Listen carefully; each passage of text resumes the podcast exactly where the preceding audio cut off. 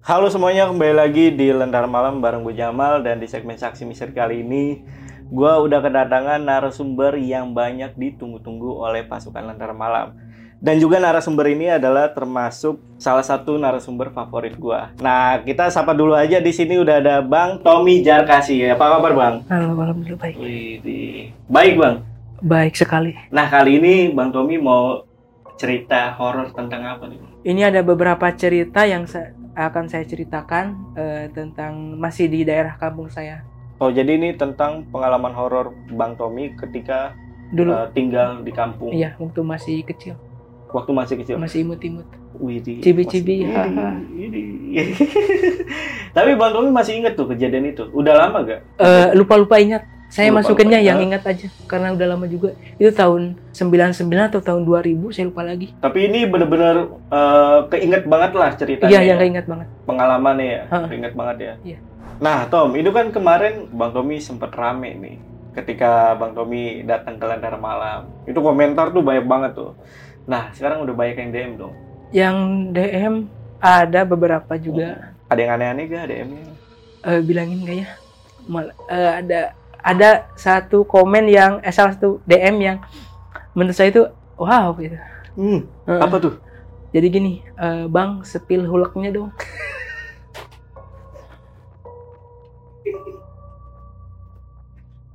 Terus saya balas, Kak, eh, maaf itu cuma lucu-lucuan doang. Nggak apa-apa bang, pengen lihat. Terus saya nggak mau sebutin namanya ya. iya iya paling gue tampilin deh nanti ya isi Iya. DM ya Iya. wah anjir itu beneran om eh beneran om itu beneran tom Ada satu, ada iya. Udah udah gue bukan dihapus aja gitu. cewek? Cewek. cewek Iya. Ih. tapi akhirnya lu kasih Enggak, oh udah langsung dihapus. oh langsung lu hapus Eh, oh DM langsung lu hapus Iya, langsung hapus. oh Kalau yang negatif itu doang sih, yang lain mah nggak dihapus. yang lain eh, Aman-aman rata-rata aja, DM-nya paling. apa?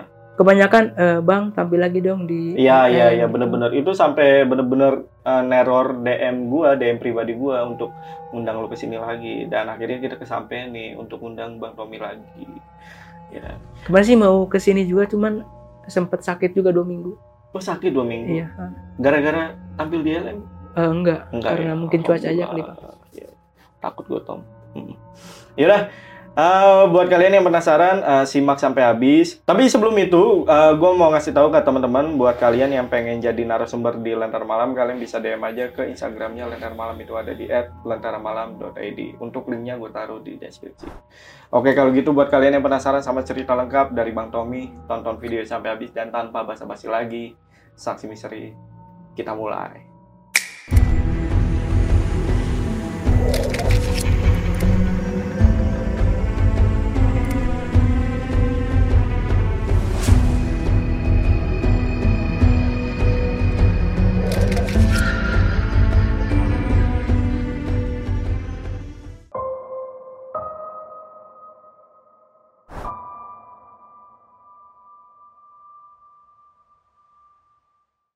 Jadi ini kan ceritanya pendek-pendek bang ya. Jadi saya sambungin. Ada beberapa cerita. Jadi cerita pertama ini tentang kamar mandi. Hmm? Eh maaf, eh, kam- apa sih namanya ya? Eh, bukan kamar mandi, tempat mandi. Iya kamar mandi umum. Iya Eh, Kamar mandi umum. iya Iya. iya Kamar mandi itu kan ada pancuran.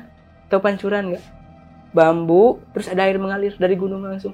Tahu pancuran nggak sih? Ah iya iya oke oke. pancuran. Berarti itu saluran yang diambil dari langsung gunung, gunung. gunung Oke. ya. Karena kan kampung saya itu kan ini kampung saya, atasnya sawah, atasnya lagi gunung. Hmm. Jadi si airnya itu langsung dari gunung. Wih enak banget tuh. Iya. Oke.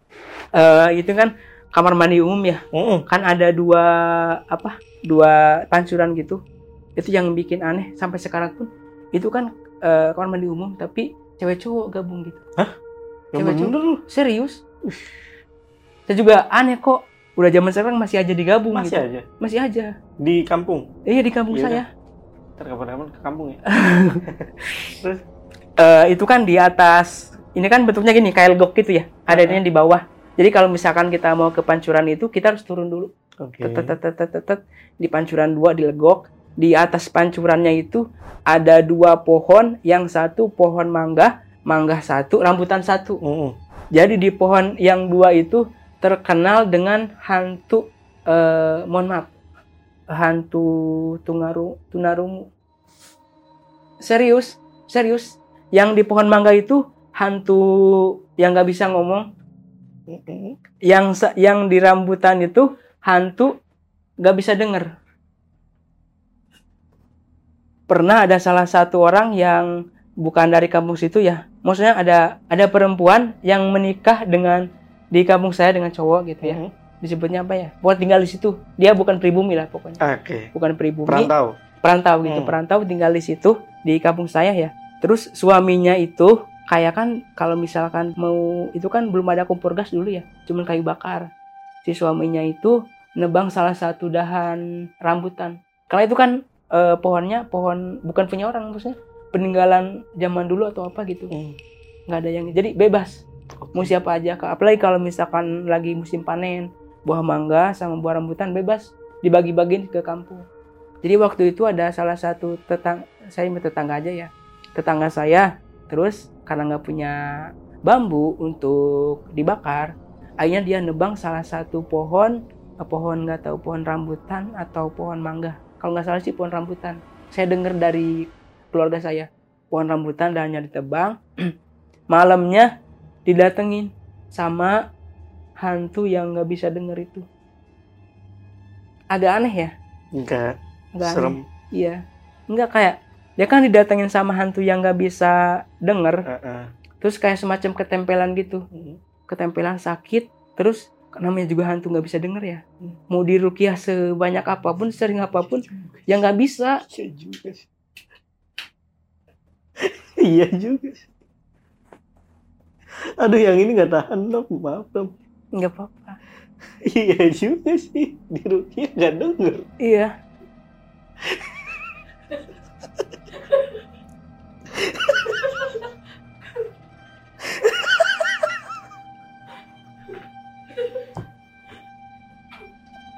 iya juga sih.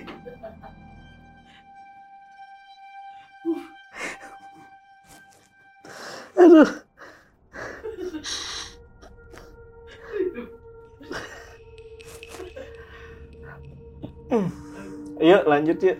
karena si yang perantau itu ketempelan atau kesurupan si hantu yang nggak bisa denger itu diobatin sama beberapa dukun atau beberapa kiai tetap nggak bisa bang karena eh, saya juga baru tahu kalau misalkan setan itu ada yang tunarungu ya yang nggak bisa bener nggak sih tunar tunarungu ya kalau nggak bisa denger sama nggak bisa ngomong itu Iya iya. Ya, kayak gitu Gue juga lupa tuh. Iya. pokoknya gitu sampai dia sakit dua bulanan karena di ketempelan itu Mm-mm. nyampe dua bulan sampai meninggal dunia bang Innalillah.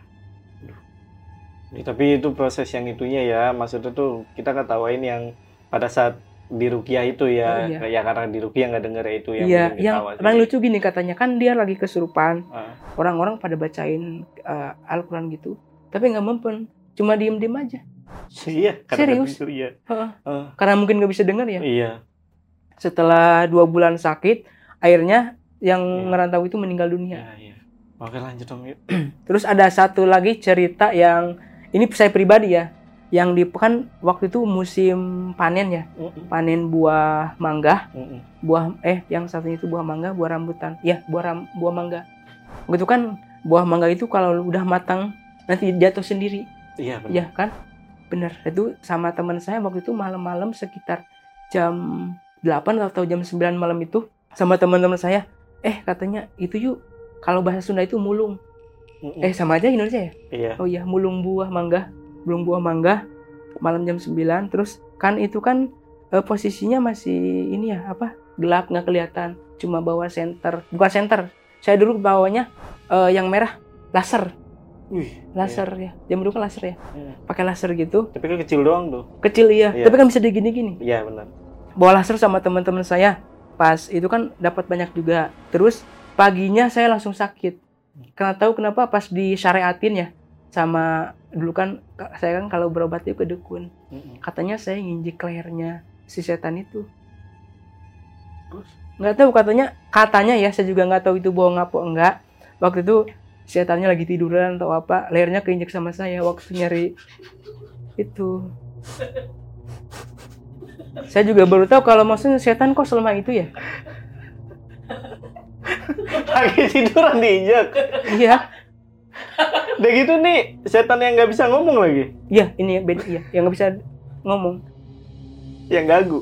yang gagu ya saya juga nggak tahu eh, itu kalau misalkan kita efeknya gini kalau misalkan kita eh, apa ke- ketempelan dia atau Hmm. kena apalah itu kita akan serak bang ikutan serak serius serak kayak orang batuk berdak tapi nggak keluar Tapi kan nggak nyambung, Tom. Hah? Kan nggak nyambung, Tom. itu kan nggak bisa ngomong Iya. iya nggak tahu kenapa kayak kayak serak kalau istilah Sunda itu batuk bangkong Apa lagi sih? batuk kodok iya jadi kalau misalkan kita batuk gitu kayak kok kok kok gitu iya Oke. Mm-mm.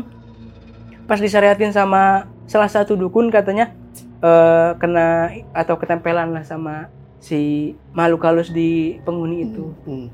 terus ada lagi cerita yang waktu itu apa ya yang lagi mandi subuh subuh ibu-ibu kan kalau misalkan di kampung saya sebelum subuh jam 4 atau jam setengah 4 bawa nyuci piring gelas atau pakaian gitu Hmm.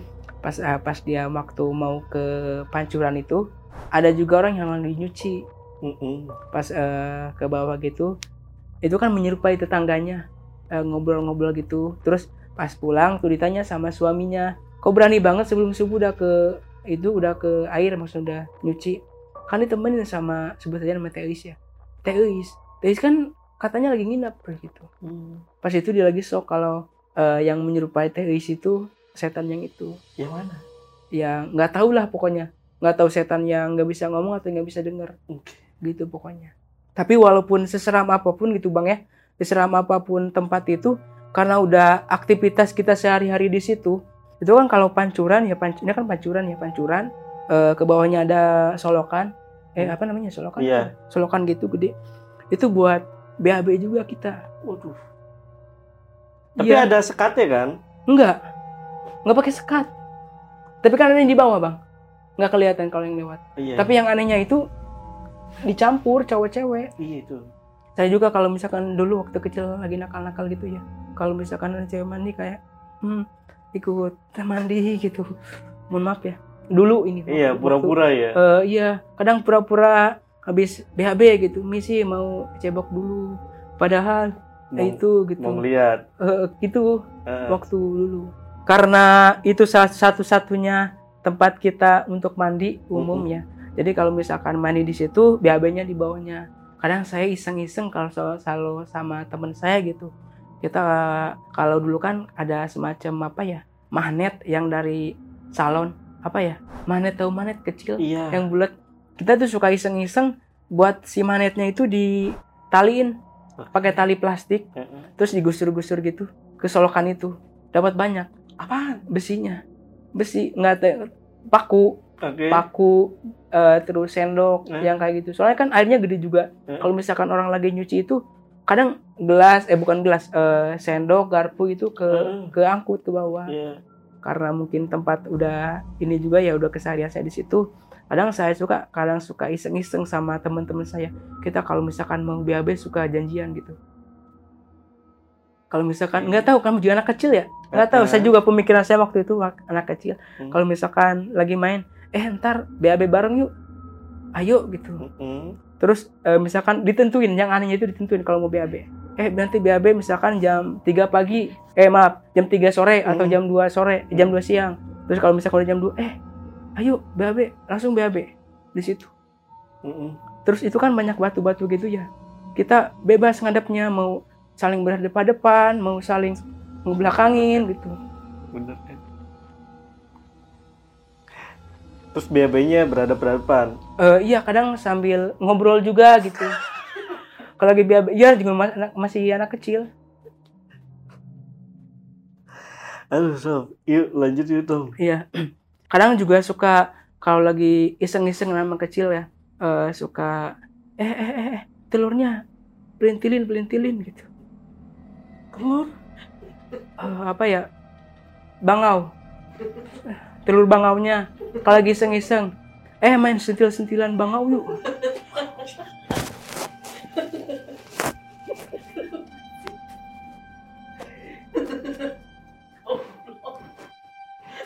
Karena berhadapan-hadapan. iya. Dan juga masih kecil iseng-iseng gitu. Kalau misalkan eh main sentil-sentilan yuk Eh, ayo gitu. Kan lagi berhadapan gitu ya. Nyampe empat orang atau enam orang itu eh, sentil-sentil lah sentil. Tik tik tik. Ah geli geli geli geli, gitu Yuk. Iya. Eh, yang kanan udah, yang kiri belum. Sentil lagi, tet tet tet tet. Ah, geli geli geli geli. Telurnya tuh. Hah? Telurnya juga. Itu yang disentil telurnya, kan ada kanan kiri. Disentilin gitu.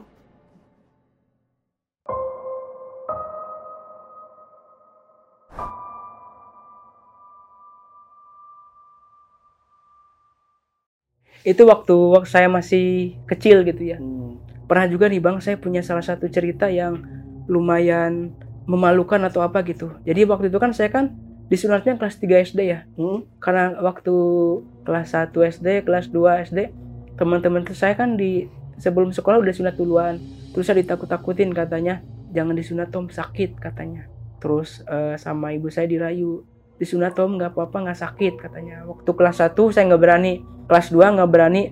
Kelas 3 tuh baru baru dirayu sama bapak sama ibu saya. Karena katanya disunat itu nggak sakit cuma kayak digigit semut. Terus saya ya iya aja asal saya dibeliin sepeda yang merek eh, boleh nyebutin merek nggak sih? Boleh. Eh, yang dulu terkenal Whimsical. Iya. Saya mau kalau misalkan di apa namanya dibeli sepeda baru se katanya iya ya nanti dibeliin gitu kan. Setelah saya dibeliin barulah saya waktu disunat. Disunatnya itu waktu itu sama bengkong bukan dokter. Apa ya namanya? Ya dukun itu. dukun gitu bengkong sunat, gitu eh, dukun sunat. Bengkong. itu pas saya mau di itu ya disunat kan di ini ya di apa namanya di dirangkul gitu dirangkul. Dan sama paman saya pas mau lihat katanya nggak boleh lihat waktu disunat waktu pas mau dipotong ditarik ekornya tet itu saya di, di apa dikumur-kumur dipakein kecap asin sama minyak Jadi apa? serius Terus? nggak tahu waktu itu kan udah keluar darah ya udah keluar darah terus si dukun nyebutnya apa sih dukun ya Hmm. si dukunnya itu kumur-kumur terus kecap sama minyak yang di mulutnya disemburin ke burung bangau saya Jadinya serius? kecap bangau. iya nggak tahu kenapa. Terus pas saya itu jalan-jalan. Terus pas saya jalan terus keluarga saya eh apa tetangga saya pada itu eh Tommy nggak nangis nggak nangis. Nggak sakit kan? Enggak kata saya bilang. Emang sih kayak digigit semut cuman semutnya satu kecamatan yang gigit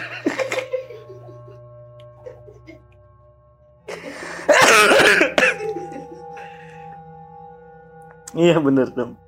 Iya bener aja lah. Yuk. Iya, terus karena waktu itu kan kalau setiap mau disunat itu kita kan ada semacam ritual atau ziarah-ziarah gitu ya ke makam dari bapak saya ke makam dari ibu saya. Ada salah satu makam dari bapak saya yang nggak diziarahin. Katanya kalau misalkan itu kita akan kena apes dan apesnya itu ada di saya. Jadi selama 10 hari darahnya itu ngalir terus bang Mm-mm. di burung bangau saya. Itu serius. serius saya sampai nyampe kayak apa kekurangan darah gitu nyampe apa namanya tiap hari itu katanya kalau harus makan sayur bayam itu kan karena kekurangan darah Mm-mm. yang bikin malunya lagi tiga hari kemudian eh, teman-teman sekolah saya sama ibu guru bapak guru juga datang nengokin saya Mm-mm. waktu itu kan saya pakai sarung tapi nggak bisa karena rembes ya Oke. darahnya ngalir terus rembes gitu terus eh, kata bapak saya nggak apa-apa pakai baju bapak saya aja katanya pakai eh, kemeja tapi gede pas dipakai itu saya kan duduknya ngangkang gini ya. Temen satu kelas saya itu pada ngeliatin saya. Saya disunat terus kan udah saya tutupin. Hmm. terus ada ibu guru gitu yang katanya udah nggak apa-apa dibuka aja. Pengen lihat katanya gitu sama ibu gurunya. Waktu masih kecil kan kelas 3 SD ya diliatin eh, terus teman-teman saya yang satu kelas itu pada ketawa. Karena hitam ada saya kan bilang tadi ada kecapnya ya. Itu kecapnya belum kering bang Serius, karena campur darah.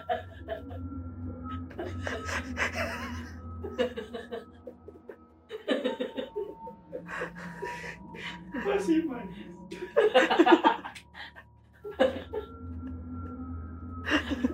iya, masih manis ya. iya, iya. gitu. Iya. Terus uh, ada kan campur cewek cowok ya, ada hmm. yang bisik-bisik gitu, bisik-bisik, iya nggak tahu ngomongin apa. Setelah sekolahnya, setelah mulai sekolah baru saya di kadang suka diisengin sama teman-teman saya. Eh, Tommy, burung bangaunya udah kering belum? Udah kering belum? Sama kayak gitu sama itu. Hmm. Alhamdulillahnya aja waktu itu kan belum secanggih kayak sekarang. Hmm. Gak bisa bayangin kalau misalkan dulu ada HP ya, terus teman-teman saya ngedeket misalkan berbaris, motoin itu saya, terus dibikin status WA atau story IG, sampai sana lagi imajinasi ya story Hmm. IG kan, terus dibikin status lagi nengokin Tommy sunatan, burung bangaunya dikecapin udah kayak semur jengkol. Oh, malu banget ya. untungnya nggak ada ya. Untungnya nggak ada zaman dulu. itu. oh tapi itu mitos yang sebelum sunat harus itu sesudah ya sesudah atau sebelum yang jarah Eh, sebelum. Sebelum ya maaf Iya. ya. Sebelum sunat eh, itu harus jarah itu ada di sana tradisinya. Ada tradisinya. Sampai sekarang ya? sampai sekarang ya. Sampai sekarang? Harus ziarah dulu. bahkan Kalau- kabarnya sampai sekarang burung bangau lu masih ada kecap ya? Sekarang diganti sama saus. merah? Hmm. Yoi, mantap. Oke Tom tapi itu serem juga sih. Maksudnya itu ternyata ada mitos seperti itu ya. Dan itu gue baru tahu gitu. Iya bener. Repot juga harus berapa keluarga harus semuanya Eh, yang kejangkau. Kecuali kalau misalkan beda kota nggak apa-apa. oh gitu Iya. Karena ibu sama bapak kan sama-sama orang Bogor, nggak ada salah satu mungkin yang kelewat lo lupa gitu. tapi itu kejadian bener Kejadian bener. 10 hari darah saya ngalir terus. iya tapi nggak tahu sih itu karena memang lu disunat eh, sama dukun Dukun. Bengkong kalau ya bahasa Sundanya. bengkong atau sama dokter itu beda gitu Iya. karena waktu gua sunat ya nggak ada kayak gitu sih Pakai apa dokter? maksudnya ah Dokter juga. iya dokter juga eh, eh. disunat biasa eh. Lasernya. enggak enggak Hah? Ini jadi ngomongin sunat anjir kan gua mau ngomongin mitos ya ya Eh, eh, eh. itu sampai sekarang nih orang-orang sekarang. sana Kalau sekarang sih udah udah nggak pakai itu lagi bengkong lagi. Kebanyakan tapi Langsung. untuk jaranya masih jaranya masih sampai sekarang. Bogor tuh ya Iya Bogor. pedalaman Iya. Kampung saya itu yang tahun tanggal 1 Januari 2020 longsor terbesar di Jawa Barat. Salah satunya itu kampung saya. ah oke oke Didatangin juga sama Bapak Presiden. iya penting sih iya penting banget itu iya penting banget ya Hmm. sama siapa Ra? yang itu Ra? Pak Bima. Pak Bima datang nggak Pak Bima Bukan presiden doang. Enggak, Pak Bima datang nggak? Pak Bima nggak tahu. Nggak tahu. Iya, Oh enggak, enggak, enggak. enggak ya. Iya. Pak Bima harus datang. Nanti kasih tahu. Nih kabar air pancuran masih nih. Sampai sekarang masih. Padahal saya kema- kemarin baru pulang lupa nggak difotoin, nggak ada dokumentasinya bang. Tapi beneran nggak ada sekatan gitu. Nggak ada. Jadi cewek cowok gitu kalau misalkan mau mandi bareng. Kecuali kalau udah yang dewasa ya, kalau yang kecil dimalum. Oh. Kalau yang gede? Ya antri dong. Mm-mm, mm-mm. Karena mungkin sekarang masih eh, udah banyak yang punya kamar mandi pribadi, jadi Oh iya. nggak terlalu itu. nggak terlalu banyak ya. ya Bahkan udah nggak ada mungkin ya. Paling yang nyuci piring gitu atau yang mandi juga masih banyak. eh mandi masih. Iya masih banyak. Terakhir lu mandi sana kapan? Terakhir kemarin pulang mandi di situ, tapi nggak nggak ini ya, nggak nyampur ya. Sama cowok. Nggak maksud sama cewek. Iya iya. Eh, karena kan Sekalian main Titanic. eh that end apa ya? Oh iya. Oke lah.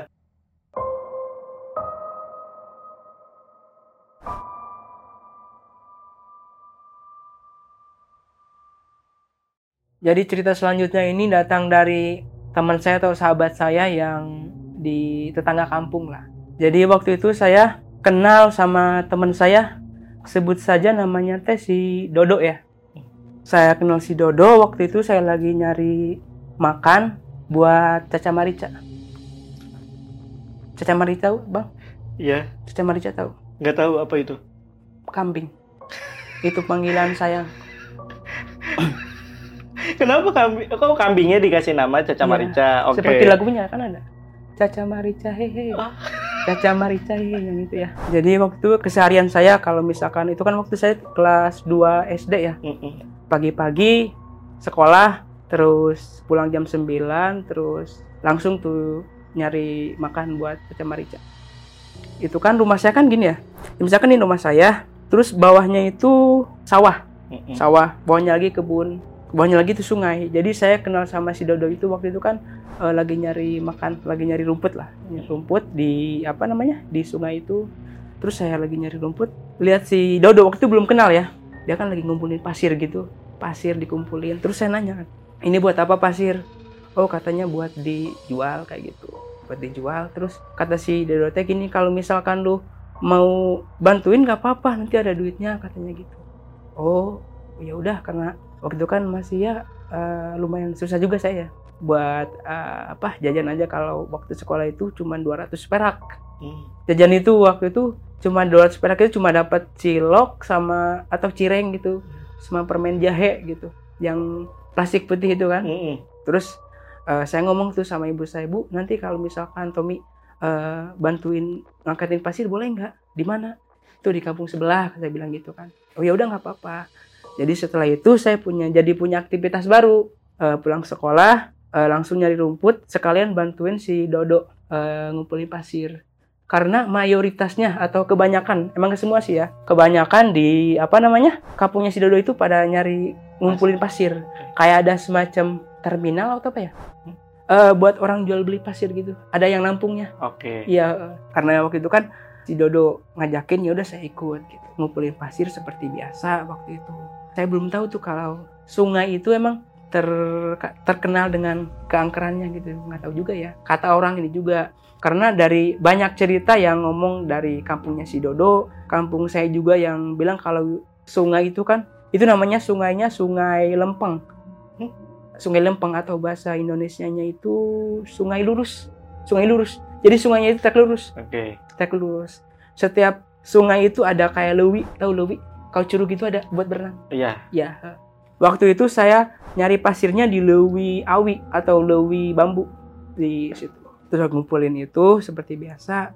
Eh, terus kata si Dodo teh gini, kalau misalkan di sini lagi nyari pasir, eling, maksudnya harus ingat sama Allah takut ke itu katanya soalnya kan itu sungainya terkenal dengan tunji. Tunji itu ada setahun hiji atau setahun setiap setahun sekali itu ada yang meninggal. Ah, tumbalnya. Tumbal. Oke. Eh, kata orang saya juga nggak tahu itu bener apa enggaknya gitu ya. Mm-mm. katanya itu tunji gitu. Oh ya udah nggak apa-apa kata saya. Yang penting itu. Orang saya udah dapat restu dari ibu juga kan? Ya ya udah.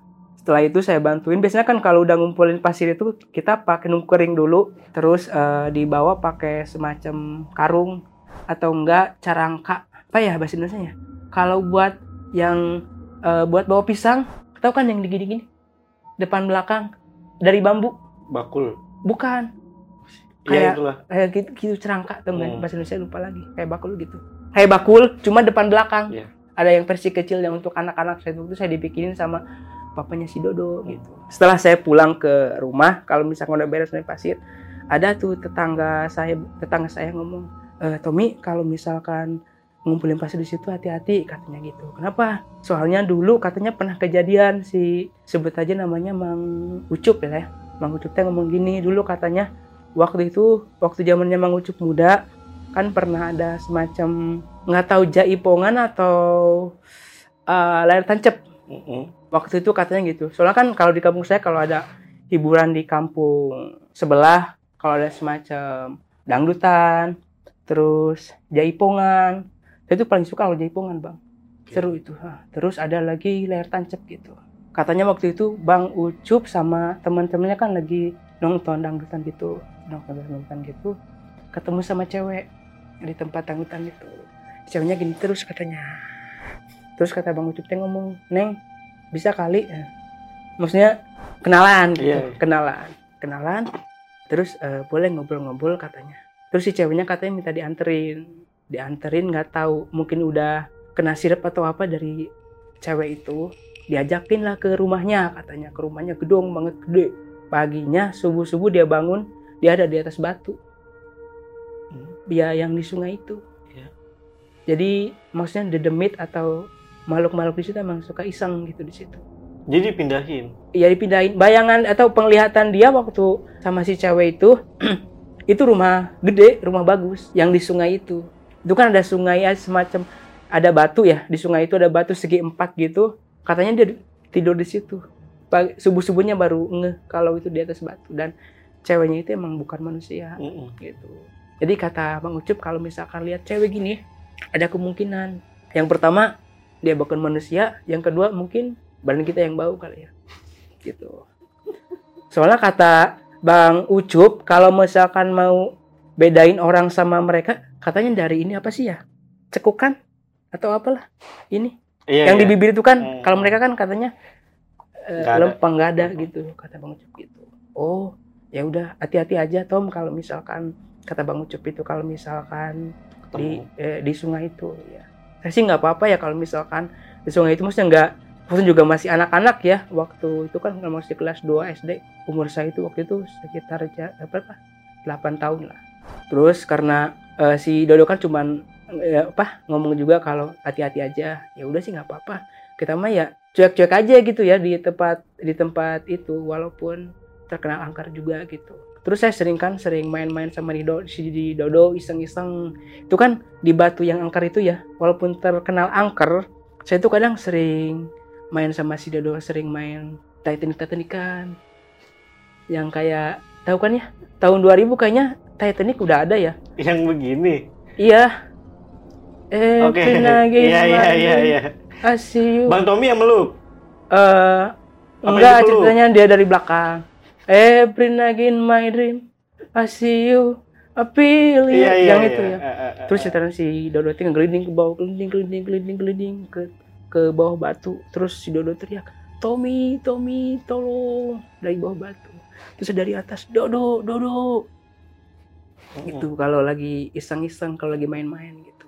Terus eh, itu kan lagi ada setelah beberapa bulan kemudian itu kan ada kenaikan kelas gitu ya. Mm-mm. kenaikan kelas waktu itu kan liburan sekolah. Terus saya diajakin sama bapak saya. Bapak saya kan eh, kerjanya di daerah Bogor kota ya Mm-mm. daerah Bogor kota gitu.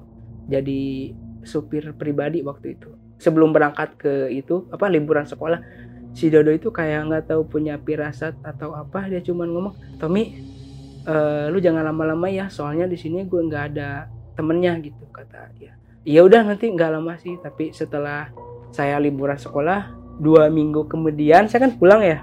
Terus pas saya pulang ke rumah ibu saya itu eh, nangis gitu maksudnya Tommy eh si Dodo meninggal katanya gitu maaf eh terus saya kan nggak nggak percaya kalau si Dodo itu meninggal ya masa sih kan kemarin perasaan sehat-sehat aja terus kata ibu saya si Dodo itu katanya kayak semacam apa kesambat atau apa di sungai itu gitu Si Dodo meninggal di sungai itu berarti. Iya, maksudnya eh, sakit dulu. Waktu itu kan dia lagi kan ada di kampung saya itu ada tiga waktu yang nggak boleh kita langgar. Yang pertama itu eh, tangari, yang kedua itu hahalaun, yang ketiga itu tengah peting. Kalau yang tangari itu dari setengah 12 menuju zuhur. Kalau yang halan itu maghrib maghrib itu kan, yang nggak boleh kita aktivitas. Kalau yang malamnya itu dari jam 11 sampai jam 3 pagi. Jadi waktu itu si Dodo katanya setengah 12 kata ibunya, kata ibunya si Dodo setengah 12 itu renang, maksudnya mandi di Lewi itu, terus pulang-pulang sakit, terus katanya sakitnya sih cuma tiga hari tapi langsung meninggal dunia gitu. Si Dodo. Dodo. Iya. Wah, gak nyangka. Ternyata sedih ceritanya. Ya saya juga kayak masa sih meninggal perasaan kemarin baik-baik aja gitu. Terus eh setelah itu kan saya jadi apa ya bukan kesambet kayak kepikiran gitu terus saya juga ikut-ikutan sakit karena kepikiran itu saya jadi saat sakit itu saya jadi halu gitu bang kalau di rumah itu kalau ngelihat eh, baju ngegantung gitu kayak halu sih anak kecil ya Mm-mm. kayak lihat si Dodo gitu. Mungkin itu itu bukan penampakan sih kayak halu gitu mungkin.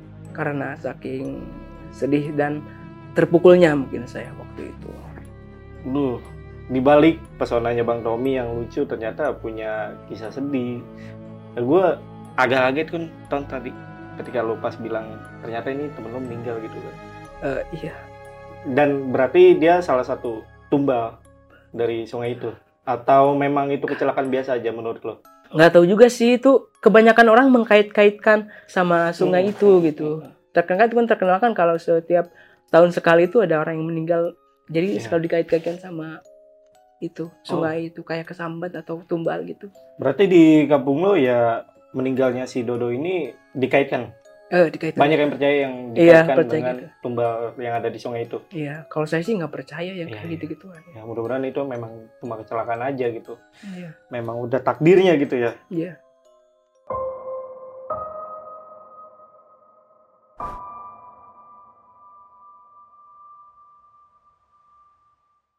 Nah ini pertanyaan terakhir nih Bang Tommy. Sampai sekarang yang kejadian di sungai yang banyak tumbal itu, Iya. yang ada tumbalnya, itu masih ada gak sih kejadian-kejadian di deket-deket ini? Eh, nggak ada karena sekarang kan udah banyak rumah juga di pinggir-pinggir sungainya Oh nggak ada tuh, nggak ada nggak ada udah nggak ada yang. udah nggak ada itu kan dulu banget sekarang sih udah rame Hmm. bahkan udah ada jembatan layang gitu buat Oh. eh, motor Terakhir ke kampung kapan? kemarin eh, sebulan yang lalu Sebulan yang lalu. Iya. Dan itu selama setahun atau dua tahun belakangan nggak ada kejadian. nggak pernah udah beberapa tahun yang lalu nggak pernah dengar lagi Nggak pernah dengar. Iya. Oke oke. Yaudah paling itu aja sih untuk eh, cerita dari Bang Tommy ya malam ini dan ternyata cerita terakhir tadi benar-benar sedih ternyata sahabatnya meninggal. Oke, buat teman-teman jangan lupa juga untuk mampir ke channel Bang Tommy nih. Sekarang Bang Tommy udah punya channel YouTube nih. Bang Tommy, channel YouTube-nya di mana, Bang? oh iya boleh promosi nggak Boleh dong. Ah, boleh atuh. Kameranya yang mana Ah, yang mana aja? yang tengah aja ya Iya. assalamualaikum warahmatullahi wabarakatuh halo selamat malam selamat selamat malam para pasukan lentera lentera malam jadi saya teh lagi belajar nge YouTube ya nge YouTube jadi minta buat teman-teman para pasukan lentera malam untuk minta subscribe-nya sama eh, jangan lupa ditonton jangan lupa komen juga nama channelnya itu Tommy Zarkasih. Hatur nuhun. Oke, itu tadi atur nuhun. Bang Tommy itu eh, channel YouTube-nya ngebahas apa, Bang? nggak tahu masih amuradul. Masih Eh, maksudnya kan rencananya gini ya bang ya? Mau bikin kayak semacam ngomongin orang apa sih? Storytelling ya? Mm-mm, kayak gitu. cerita-cerita orang. Jadi sekarang itu saya itu kalau misalkan ketemu orang suka nanyain eh minta ceritanya dong nggak apa-apa campuran aja nggak tahu itu horor lucu toko apa romantis nggak apa-apa gitu gitu rencananya sih rencananya Iya. ya. Oke oke. Nanti kalian bisa mampir aja ke channelnya Bang Tommy. Jangan lupa subscribe. iya Iya. jangan lupa subscribe Oke. Yaudah, paling itu aja ya untuk video kali ini. Gua Jamal dari Lentera Malam dan Bang Tommy izin pamit.